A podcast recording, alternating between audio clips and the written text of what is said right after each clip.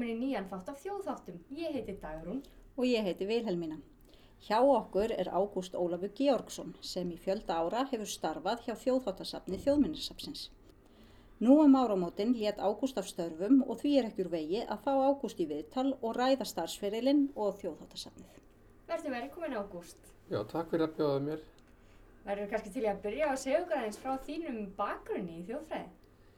Já, uh, ég fór nú sko uppalega uh, í, til Svíþjóður í nám og ætlaði sem sagt að vera fornlegafræðingur Mm.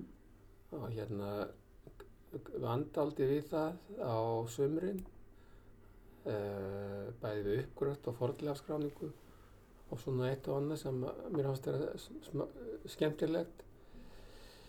Ég var í Uppsölum og það voru margir sem fóru til Svíþjóður þessum árum sennilega því að Þór Magnússon þjóðminnaverð hann var mentað þar og benti fólki gerðan á að fara til uh, Uppsala. Mm. og það var engin kennsla hérna þá sko, þetta er orðið það langt síðan sko sem að ég byrjaði í þessu. Já, það er nú eiginlega svona þannig já og svo leittist ég út í það að eh, eða námið var þannig byggt upp að þú þurftir að lesa mörg fög og þá sem sagt eh, kynntist ég þjóðfræðinni og ákvað svona að pröfa að lesa aðeins meira en það þannig það eiginlega svona bakgrunnurinn í þessu hjá mér Þannig að þú leittist út í þjóðfræði frá þjó, forlegafræði. já, eiginlega alveg óvart Já. Og hvað var það við þjóðfræðina sem þér fannst heillandi? e, já, ég eiginlega man það ekki Nei, hvað það var. Já, en það lítur að verða eitthvað. Já. já, já, já. Það var svona náttúrulega þetta námið var byggt þannig upp þetta var svona mjög breytt. Mhm. þetta var sem sagt efnismenning, félagsmenning og andleg menning eins og það kalluðu Mm þá var maður bara bælar um atvinnuætt og starfsætti og, og hérna félagsmenning og síði -hmm. og svo þjóðtrú og þjóðsug. Ég hefði mikið, mjög mikið áhuga á því og las mikið um það á tímabili Mm og ég var mér að segja svo frægur að það var senda út, út hérna spurningaskrá á vegum átnastofnunar. Mm. Ég var það svona viðlóðandi einhvern tíma og hérna það var um hérna uh, flökkusögur -hmm. þá var Bengt á Klintberg komin að stað með sína rannsóknar og kendi mér Mm. og hérna mér fannst það mjög áhugavert Mhm. Og það var svona ég hef reyndar ekkert unnið úr þessu efni þetta er orðin mjög langt síðan sko kannski gerði ég eitthvað tíman Mhm. og hérna svo var ég búinn að safna þjóðsögum í kvalfyrði líka áður en ég byrjaði á þessu og þá fór ég líka á vegum átnastofnunar og var það bara með segulband og Mhm. tók viðtali fólk. Mhm. Þetta er sem sagt að uh, á meðan ég er í námi og eftir ég er búin í námi sem að ég er að vinna við þetta Já. og hérna vinnu minn hérna sem að var hérna uh, skólabróður mig líka hérna í Uppsölum hann var svo heppinn að fá vinnu við hérna þjóðatasafnið í Uppsölum og ég fekk að koma í heimsókn til þess og skoða þetta mjög rækjulega sem þau voru að gera og kynna mig það sko Mhm. þannig að þetta kom mér allt svo á góðu nótum Mhm. þegar ég slýsaðist inn í það að taka við þessu hérna uh, af Hallgerði Gísladóttur á sín tíma. Mhm. Þjóðþáttasafninu hér heima. Já, nákvæmlega. Mhm. Og kannski segir okkur aðeins frá því, hvernig það, hérna, hvernig þú byrjar að starfa þar. Já, það er svona ákveðin forsaga. Ég sem sagt uh, hef unni við mjög mikið, ekki, eins og fleiri náttúrulega, ekki bara hérna þjóðfræði og forgleðafræði og þess áttar heldur á ýmsum stöðum. Og hérna ég vann til dæmis við sjóminnesafni sem var í Hafnafyrði Mhm. á sín tíma. Svo var það lagt niður og bara og þá í leiðin líka annað sérsafn sem var á vegum þjóminnesafni, það var Néstófsafn. Þetta var bara svona ákveði stefnubreiting og þá fekk ég sem sagt uh, vinnu inn á þjóminnesafninu og þá var mér bóðið að koma og, og sem sagt að ég mátti velja um það hvort ég vildi vinna við hérna munasafnið Mhm. sem mér leist nú ekkert á. Mhm. Ég vona að menn fyrir ekki með það. Mér leist miklu betur á að fara inn og vinna við þjóttasafnið. En ég var að vísu í töluveran tíma að hérna ganga frá skráningamálum og öðru sko á Mhm. sjómennisafninu því þetta er bara svolítið bráta sko að það var lagt niður. Mhm. Svo gerist það að forstuðumadur, hérna deildastjóri þjóttadeildar Hallgjörg Gísladóttir, hún veiktist alvarlega Mhm. og þá var ég beðin um að leysa hana af Mhm. og svo sem sagt uh, fjall hún frá því miður og þá var mér bóðið þetta starf að taka við þjóttsafn, það er 14 ár síðan. Já. Og hvernig hefur starfið á þjóðhættarsamninu verið? Það er bara verið skemmtilegt, mjög gefandi og fjölbreytt, Já. já, já. Ég sé ekkert eftir því. Nei. Nei, nei. Svo líka það að hérna þegar maður er að byrja í sér námi þá áttum maður ekkert frekar vonaði frekar en aðrir á jafnöldra mínum að fá að vinnu við þetta. Mm. Þannig mér fannst ég bara að vera heppin Já. að fá þessa vinnu. Maður, var, maður var svona einan gæsalappa, jafnvel eini maður sem vann við þjóðfræði sko. Mm. Það var ekki þetta eins og kalla hagn í þjóðfræði Mhm. Hérna þér, þér er sagt að þú getur unni við allt mögulegt sem náttúrulega er alveg satt, þetta er svo Mhm. breytt núna Mhm. en menn náttúrulega vildi helst vinna í fæin og ég bara var svona heppin Algjörlega. Og getur þú sagt okkur aðeins frá þjóðháttasafninu? Hvað er þar að finna? Já, má ég hafa smá formóla? Já, endilega. Já, það var þannig sem sagt að þessi söfnun byrjar á 1960 Mhm. og það nú var ansi langt síðan og uh, það var gerð tilrun með söfnun á 1959 þá var Kristján Eldjátt þjóðminnaverður og uh, það var búið að vera í umræðinni að það þýrt að sapna einhvern fróðleikum bændarsamfélagið. Það hafi verið gert á Norðurlandunum, allar, það þjóðfræðin sem, stofnan sem er það uh, í öllum Norðurlandunum. Mhm. Þær söfnuðu fyrst og fremst á gamla bændarsamfélagið og það var gert hérna líka á Íslandi og Kristján Eldjátt hann var svo framsýtna hann eh, bara baðum upplýsingar hvernig er staðið á svona málum á Norðurlandunum og fekk sendt fullt af spurningaskrám og síðan þá fór hún að stað á 1960 Mhm. og byrjaði að senda út spurningaskrár og það var náttúrulega um, hérna efni í gamla bændarsamfélaginu við minni að það heiti slátur og slátuverk mjög upplýkandi Já. en er ekki slátutíðin núna? Jú. og hérna þá var náttúrulega þetta vandamál útbúin að búið til spurningaskrá. Og hvernig eigum við að koma henni út?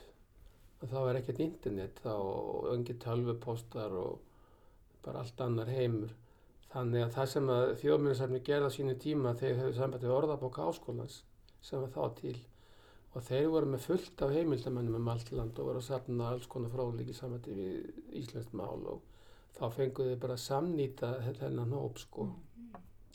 Og svo smá saman byggði þjóðminnisafnið upp sín eigin hérna, heimildamennahóp Mhm. og hérna sem var bara svona fastur hópur og það er þannig líka á Norðurlöndunum að það er leitað til fasts hóps ég með kannski skjóta hérna einu svona sem, sem smá útidúr að uh, þennan tíma sem að ég var að þá pröfuð við nokkur sinnum að vera með úrtak og þjóðskrá en það bara skilaði sér ekki Mhm. og það bara hefur sínt sig bara endutekið að hérna það þarf að hafa eitthvað svona hóp sem að fólk getur leita til. Já, er sem vill deila, sem er Já, sem tilbúið að- til að miðla. tilbúið til að miðla, já. Og hérna áður fyrr þá skrifuðu menn ekki bara út frá eigin reynslu og það var hann líka til dæmis í Svíþjóð heldur var þetta nokkuð konar svona hérna fréttarittari Mm. hver í á sínum stað Mhm. sem að sagði frá en svo bara eftir sem fræðin hafa breyst Mhm. þá segir fólk núna bara frá því sem hefur sjálft upplifað Mhm. sem eru í raun og veru svona kannski örgari heimildir þannig, þannig, þannig hérna þannig hefur þetta þróast Mhm. Já, ymmit. Og núna er þarna að finna alls konar spurningaskrár. Já, það er það.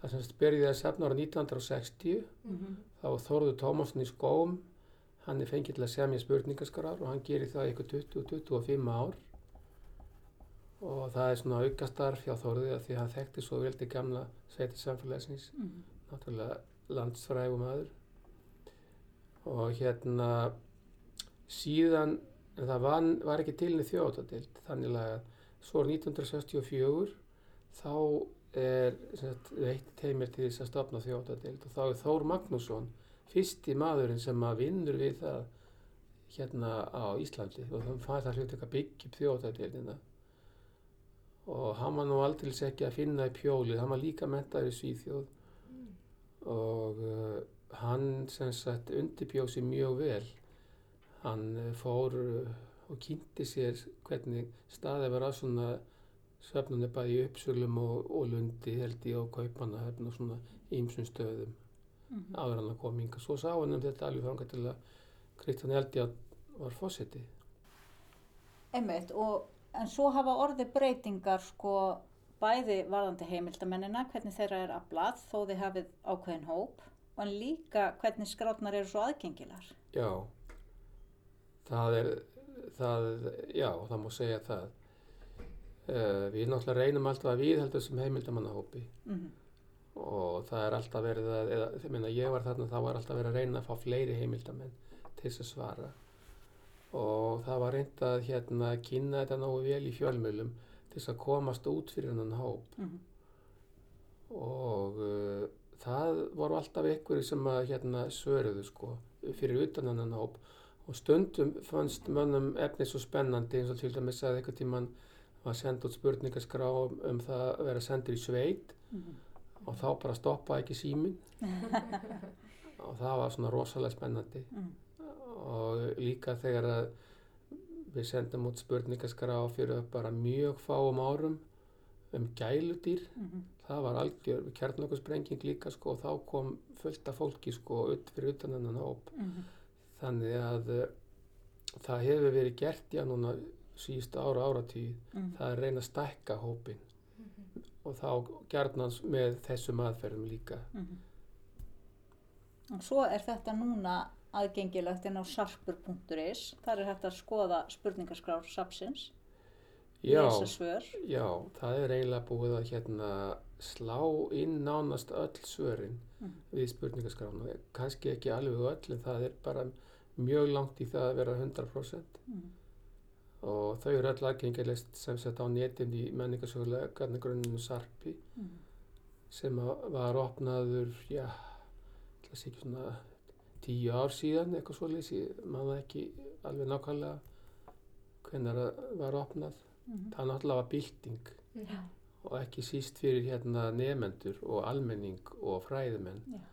að geta í staðan fyrir að þurfa að koma þarna upp á þjóðminnarsafn Já. og panta tíma í þessum tveim tölvum sem voru bara svo einhverju fortgripir og hérna alltaf var að verða að byggja um fleiri tölvur og aldrei férst það, aldrei höfðu með nefn á nýjum tölvum Þannig að ég svona netta gaggrina þjóðminnarsafni, það er mörg hotna að líta Mhm. en það var virkilega mikið gleði efni þegar þetta kom inn og svo eru spurningaskrafnar líka á netinu þannig það er að skoða það það náttúrulega var algjör bylting að geta gert það En var það ekki heilmikil vinna að koma þessu á tölvutækt form? það tók náttúrulega árið að ára tíu Mm að komast á tölvtakt form og það er ennþá efni sko sem að við hefum ekki geta sett inn í e, flest sörin sem sagt þau hafa verið hérna stafræn og þá er þeim hent strax inn á netið. Þannig að þetta er svolítið öðruvísi núna þegar ég tók við þessu eða þeir sem voru á undan mér að hérna þá uh, var bara skrifað inn einhverja stóra bók hérna hver hafði skilað þessu og svo var sett í umslag og svo inn í skúfu og en núna sem sagt uh, þá er, er ekki með þessa aðfangabók Mhm. heldur er þetta allt skráð jafnóðum inn í sarp það er okkur aðfangabók Mhm. og allt sem er stafrænt það er sett strax inn og hitt reynum við að láta slá inn Mhm. eftir sem við getum náttúrulega alveg frábært að hafa þetta svona aðgengilegt af því að eins og segir er þetta mjög er þetta algjör breyting fyrir nefnendur og fræðifólk sem að notar þessi gögn rosa mikið. Já, það er það. Það er algjör bylting. Það við erum að meiri sé að uh, sem að sé nú aðeins að monta sig að við stöndum að raunverulega framar hérna ímsum Norðurlöndunum að þessu leiti Mm. til dæmis eins og í Danmörku ég veit, held að þessi ekki með neitt á netinu sko Mhm. þannig að þetta er alveg ég er bara stórkostlegt í raun og veru að þetta sé að verið hægt sko Mm. Mhm. En þetta er nú reyndar allt að breytast líka úti og þar erum við komnir upp með hérna, minn en þann kannist við það. Það eru bæði ljósmyndir og það eru frásagnir sem er að senda inn og, Mhm.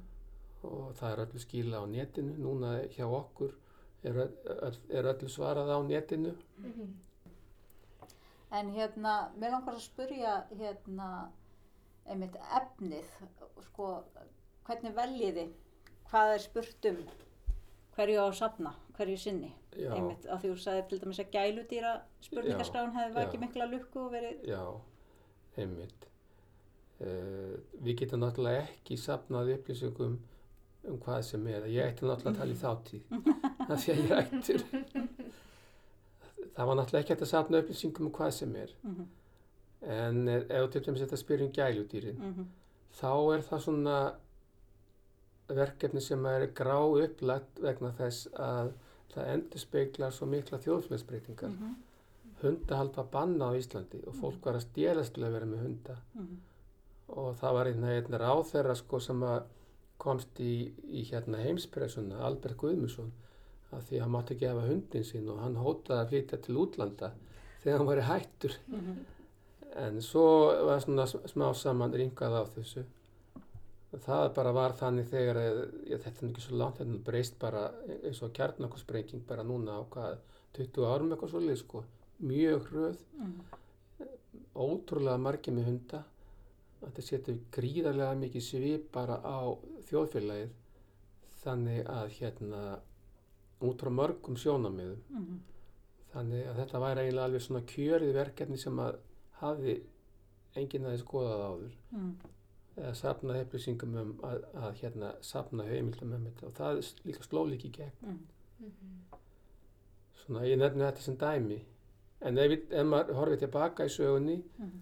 þá kemur maður aftur að því að þessi þjóðsöfnun hún var sett að stað til að bjarga heimildum um atvinnuætti sem voru að hverfa Mhm. og þannig var þetta bara í 30 árið eða eitthvað sko uh, þangað til hérna svona 1982-3 eitthvað svoleiðis þá var ráðan þarna ungu maður sem heiti Frosti Jóhansson þjótafræðingur og hann sem sagt eh, útbjó spurningaskrár og, stjórnaði verkefnum að safna heimildum úr hérna þéttbíli Mhm. sem var mjög mikið gæfispor og eitt af því sem hafi verið lítið sýnt eða nánast ekkert það var um hérna atvinnuhætti sem tilheyra ekki hérna bændasamfélaginu og hann spurði mitt mikið út í það hvað fólk var að vinna við og svo ræmis og allt í kringum það Mm. og síðan höfum við líka safnað upplýsingum um veiðar á skútum Mhm. og, og um fiskveðir á bátum, vélbátum, opnum bátum, tógurum og svo framvegis.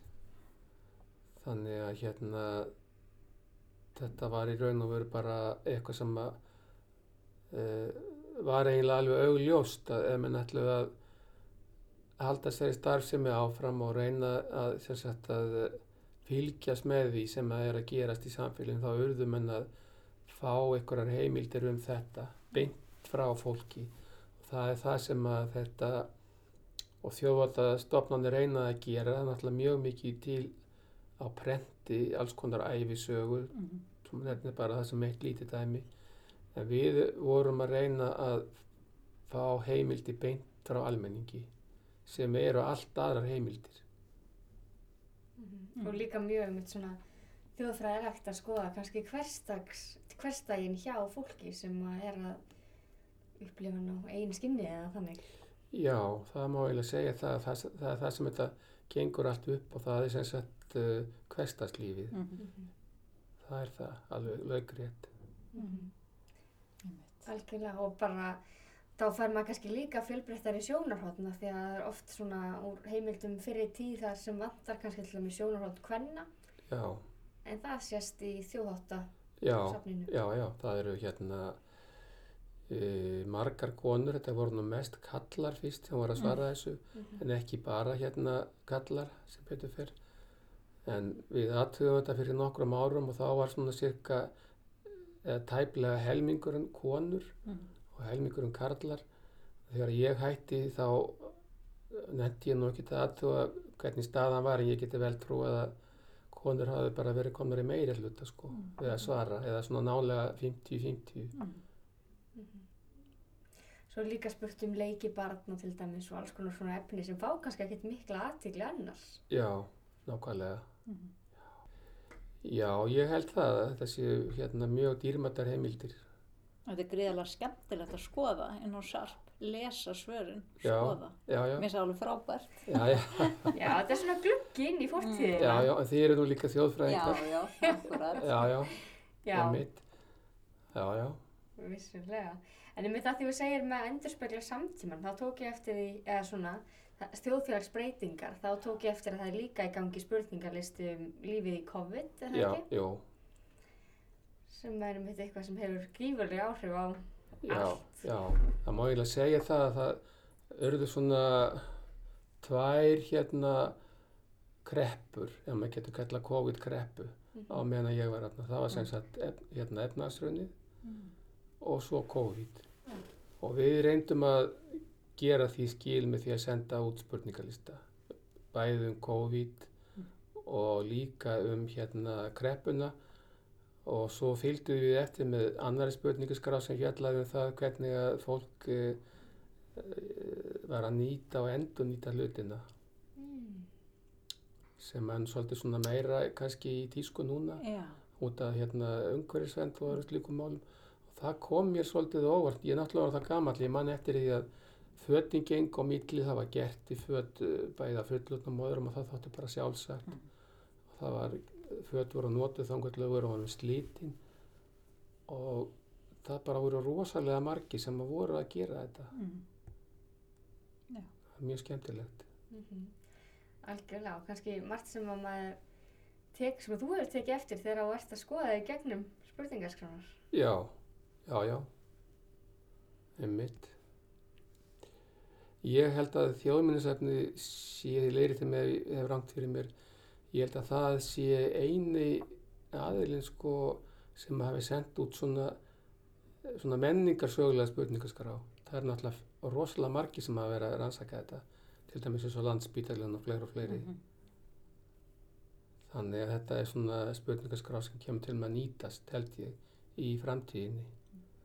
Og það, ég held að sé ennþá hægt að, það sé allt opið ennþá sko hægt að svara. Mhm. Já, það er yfirleitt þannig að það eru núna allavega nokkrar opnar í einu, er það ekki? Jú, Já. það hefum við gert það. Mm Og eru þær opnar, hvernig með þið, hversu lengi? Já, það er nú eiginlega bara svona matsatriði, hvað með vilja hafa þetta opið lengi. Maður er líka það allt til bara lok og lás. og allt í stáli.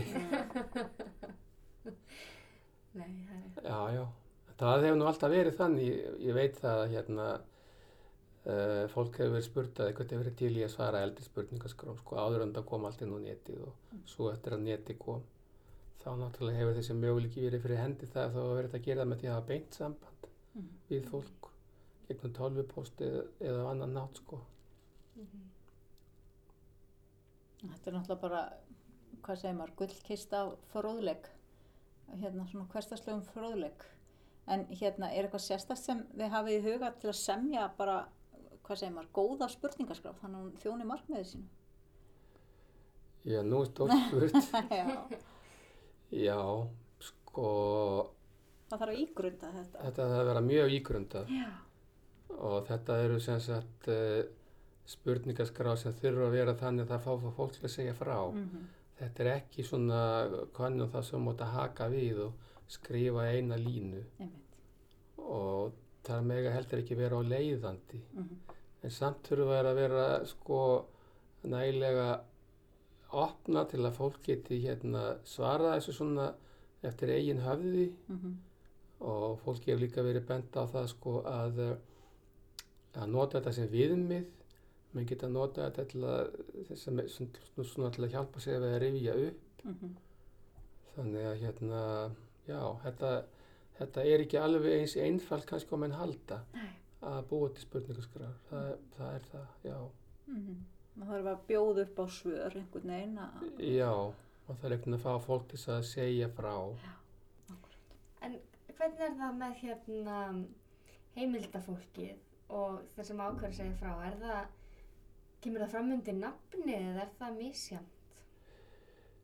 e, það kemur ekki framundan, framundan nafni ofinbelega Mhm.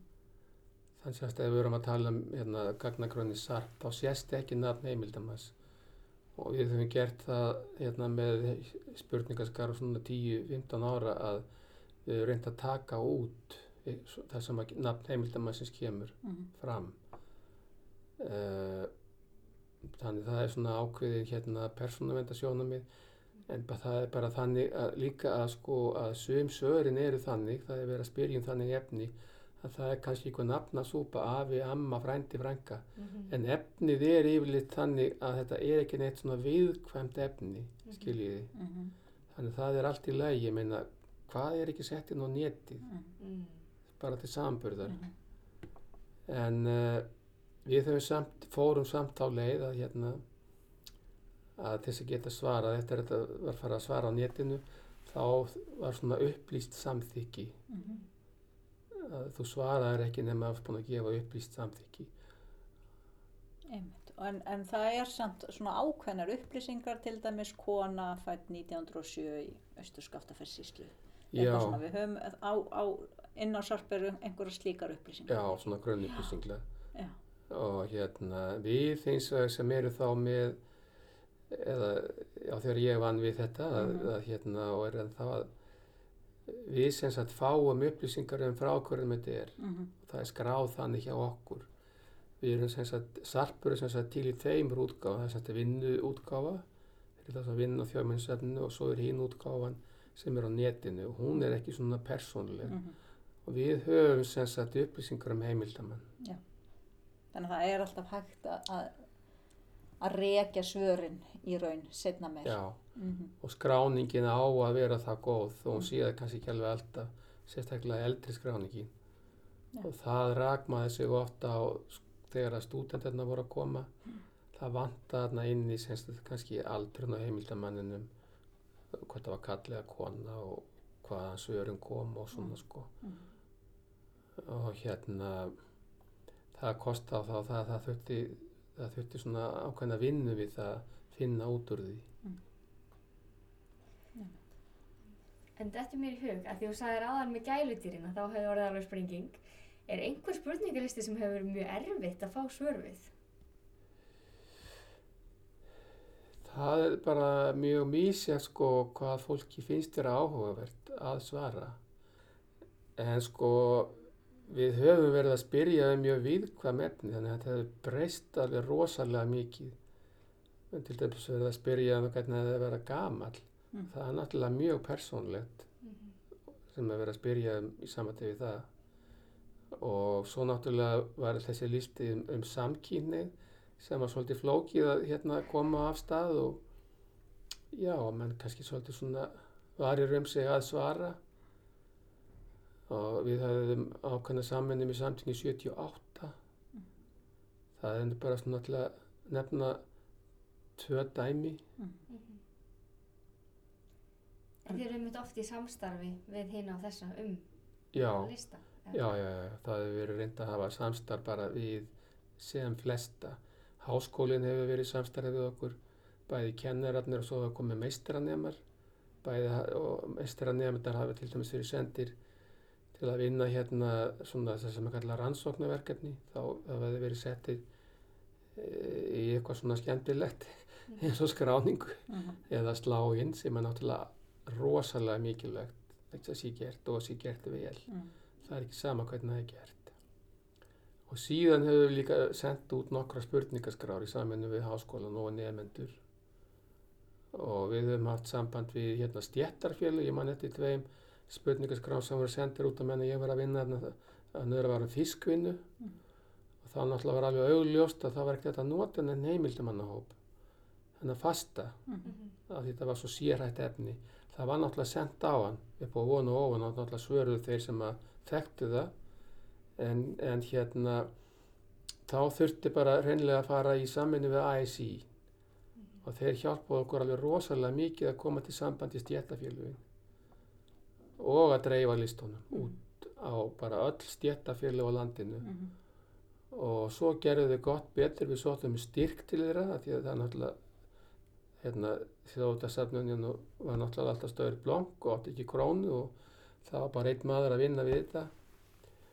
Og hérna þeir voru svo rausnarlegir að þeir veitt okkur styrk til að taka viðtöl við fiskvirkafólk og þá var þetta ráð ykkur tjóðfræði nema í það. Mhm. Sem að fór bara með hérna segulbandið og svimi voru með sem að voru kannski ykkur öðru verk en þeir fóru bara að tóka upp víti og Mm. þannig að þetta hefur verið gert nokkur sinnum og er alveg nöðsynlegt og líka til dæmis eins og í sambandi við skipasmíðar það var list, listi.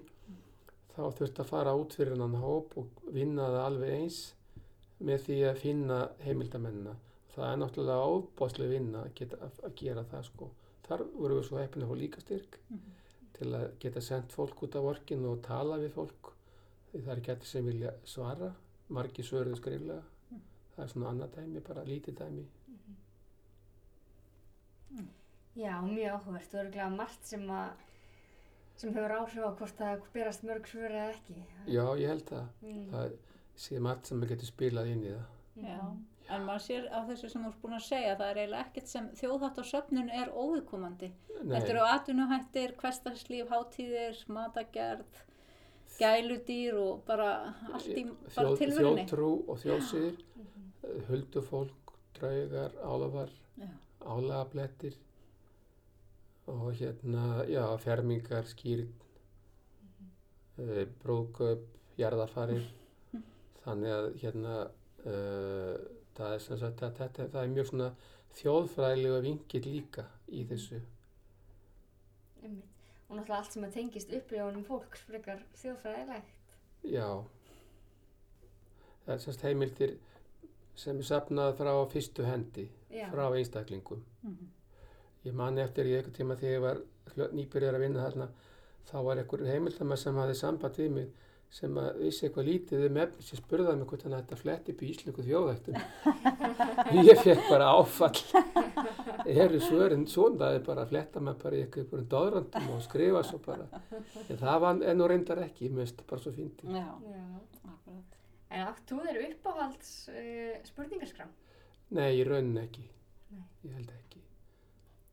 Þetta er bara allt áhugavert, finnst Mhm. mér. Það er eitthvað sem þið finnst að standa upp úr. Frá svo 14 árum. Já, Mhm. Uh, ég veit það ekki, það er volið erfitt að benda á eitthvað eitt þegar maður er búin að vera að vinna, vinna við svona. Mhm. Þannig að það náttúrulega, COVID náttúrulega, það náttúrulega, náttúrulega tekur svolítið á þannig Mhm. laga sko Mhm. og verkefni svona sem að manni fannst mikilvægt Mhm. að geta gert eitthvað skil, þetta náttúrulega var alveg rosalegt ástand. Og svo þetta þarna þegar að kreppan var hérna um árið, efnarskreppan, bankarvinni Mm. það líka, en svo er bara svo mörg önnur spennandi verkefni sem að ég maður til dæmis eftir því að þó að morgun leiðist fermingar og finnst það hundleiðilega og líka fermingarbönnunum að hérna eh, ég hérna ferðaðist aðeins á landi og tók vítölu presta til að fá upplýsingar um fermingar. Og svo talaði ég við öll trúafjölu í Reykjavík líka til að fá upplýsingar á þeim. Þannig að mér fannst það svolítið skemmtilegt en ekki þannig að það standi neitt uppur en Mhm. mér fannst það, fannst það skemmtilegt. Svo höfum við líka stundum tekið viðtöl kannski bara við einu eða tvær persónu bara með eitthvað mjög þröngt og afmarkað efni. Ég til dæmis mann eftir ég uh, talaði við gamla konu sem hafi búið í Torbæ og viðirnur úr húnum voru endurreistir inn á þjóðminnisefnu það er upp á þriðjuhæðinni og hún var rosalega góður heimildamæður og sagði rosalega vel frá. Og það var nokkra klukktíma vitt og hún sagði mér semst frá því að það var í spaðist þarna barn Mhm. í baðstofinni uh, á menna hún átti heima þær Magnál. þannig það er uh, tæki sjálfsvægt marga daga að segja frá öllu Já, öllum þeim æfintýrum sem að hafa átt sér stað á Á þjóðháttarsafninu. Já. Ertu enn að grúska í þjóðháttum? Er þessum kabla lokið? ég veit, ég held að uh, þeir sem að vinna við svona menningarsögu, ég held að ég loki aldrei neinu dýrum af því að flestir sem að vinna við svona heldur líka svona áhugamál og, og svona hugðarefni þannig að þó að ég sé hættur hérna og þó ég sé ekki að vinna neitt í þjóðhætti þá er ég ekkert að grúska í þjóðhættum en ég er sem sagt uh, núna sem sagt ég hættum síðust áramót og ég á tvö barnabötn og ég verði að hjálpa hérna sem sagt fóraldrarnu við að passa þau og Mhm. ímislegt svona en svo hef ég líka verið svolítið að reyna að grúska en það er um allt annað efni það er svona tengist meira þeim tíma því ég var að vinna á sjóminnisafnu í Hafnafyrði Mhm. Þannig ég er mjög raunlega með mjög með breiðan bakgrunn kannski breiðar en margir aðrir og hérna sem að já en hérna það er um sem sagt uh, gamla báta sem ég er að aðeins að já, reyna að berja saman einhverja grein Mhm. Spennandi. Já, mjög spennandi. svona áttur sérstöku sjónarotni getur við sagt Já. svo á maður svona ímislegt í pókvarninu sem ég vona að maður getur nú klárað einhvern tíman líka. Og það er líka þjóðfræði Já. en ekki bara þjóðfræði. Af því ég hef áhuga á svo mörgu öðru heldur en bara þjóðfræði. Algjörlega. Og þjóðfræðin fléttast náttúrulega vel saman við ímislegt. algjörlega. Sérstaklega núna síðustu áratvíuna þannig það eru allt annur sjónarmið sem er komin inn. Þannig að hérna ég held að fornleifræði sé sem, svona mér sem gamlu þjóðfræðingi finnst að sé svona þjóðfræðilegt. Svona sjónarhóttni sem eru tekin á þetta. Já, það hefur svona flætt aðeins á milli. Já, Smitast. Já, þetta eh, sko, mann finnst einhvern veginn sko þetta menningarsögulega eða þetta sem sagt þetta háskólanám mörgum, í mörgum greinum, til dæmis þetta humanítiska, þetta er allt orðið miklu þag þverfaglegra. Já. Og það er miklu auðveldar að fara á milli greina og þú getur klárað grunnnám í þessu og svo getur tekið framhalsnám í einhverju öðru fæi. Þannig það er bara mjög spennandi finnst mér. Algjörlega. Einmitt, en ég held að við séum búin að tæma umfjöllunarefnið að sinni og hvetjum auðvitað bara alla til að kynna sér sarp og þjóðháttasafniðin á sarpur.is. Já, Gróska. takk fyrir uh, spjallið, Ágúst. Já, bara þakka fyrir, fyrir að bjóða mér. Og takk fyrir að hlusta. Verðið sæl.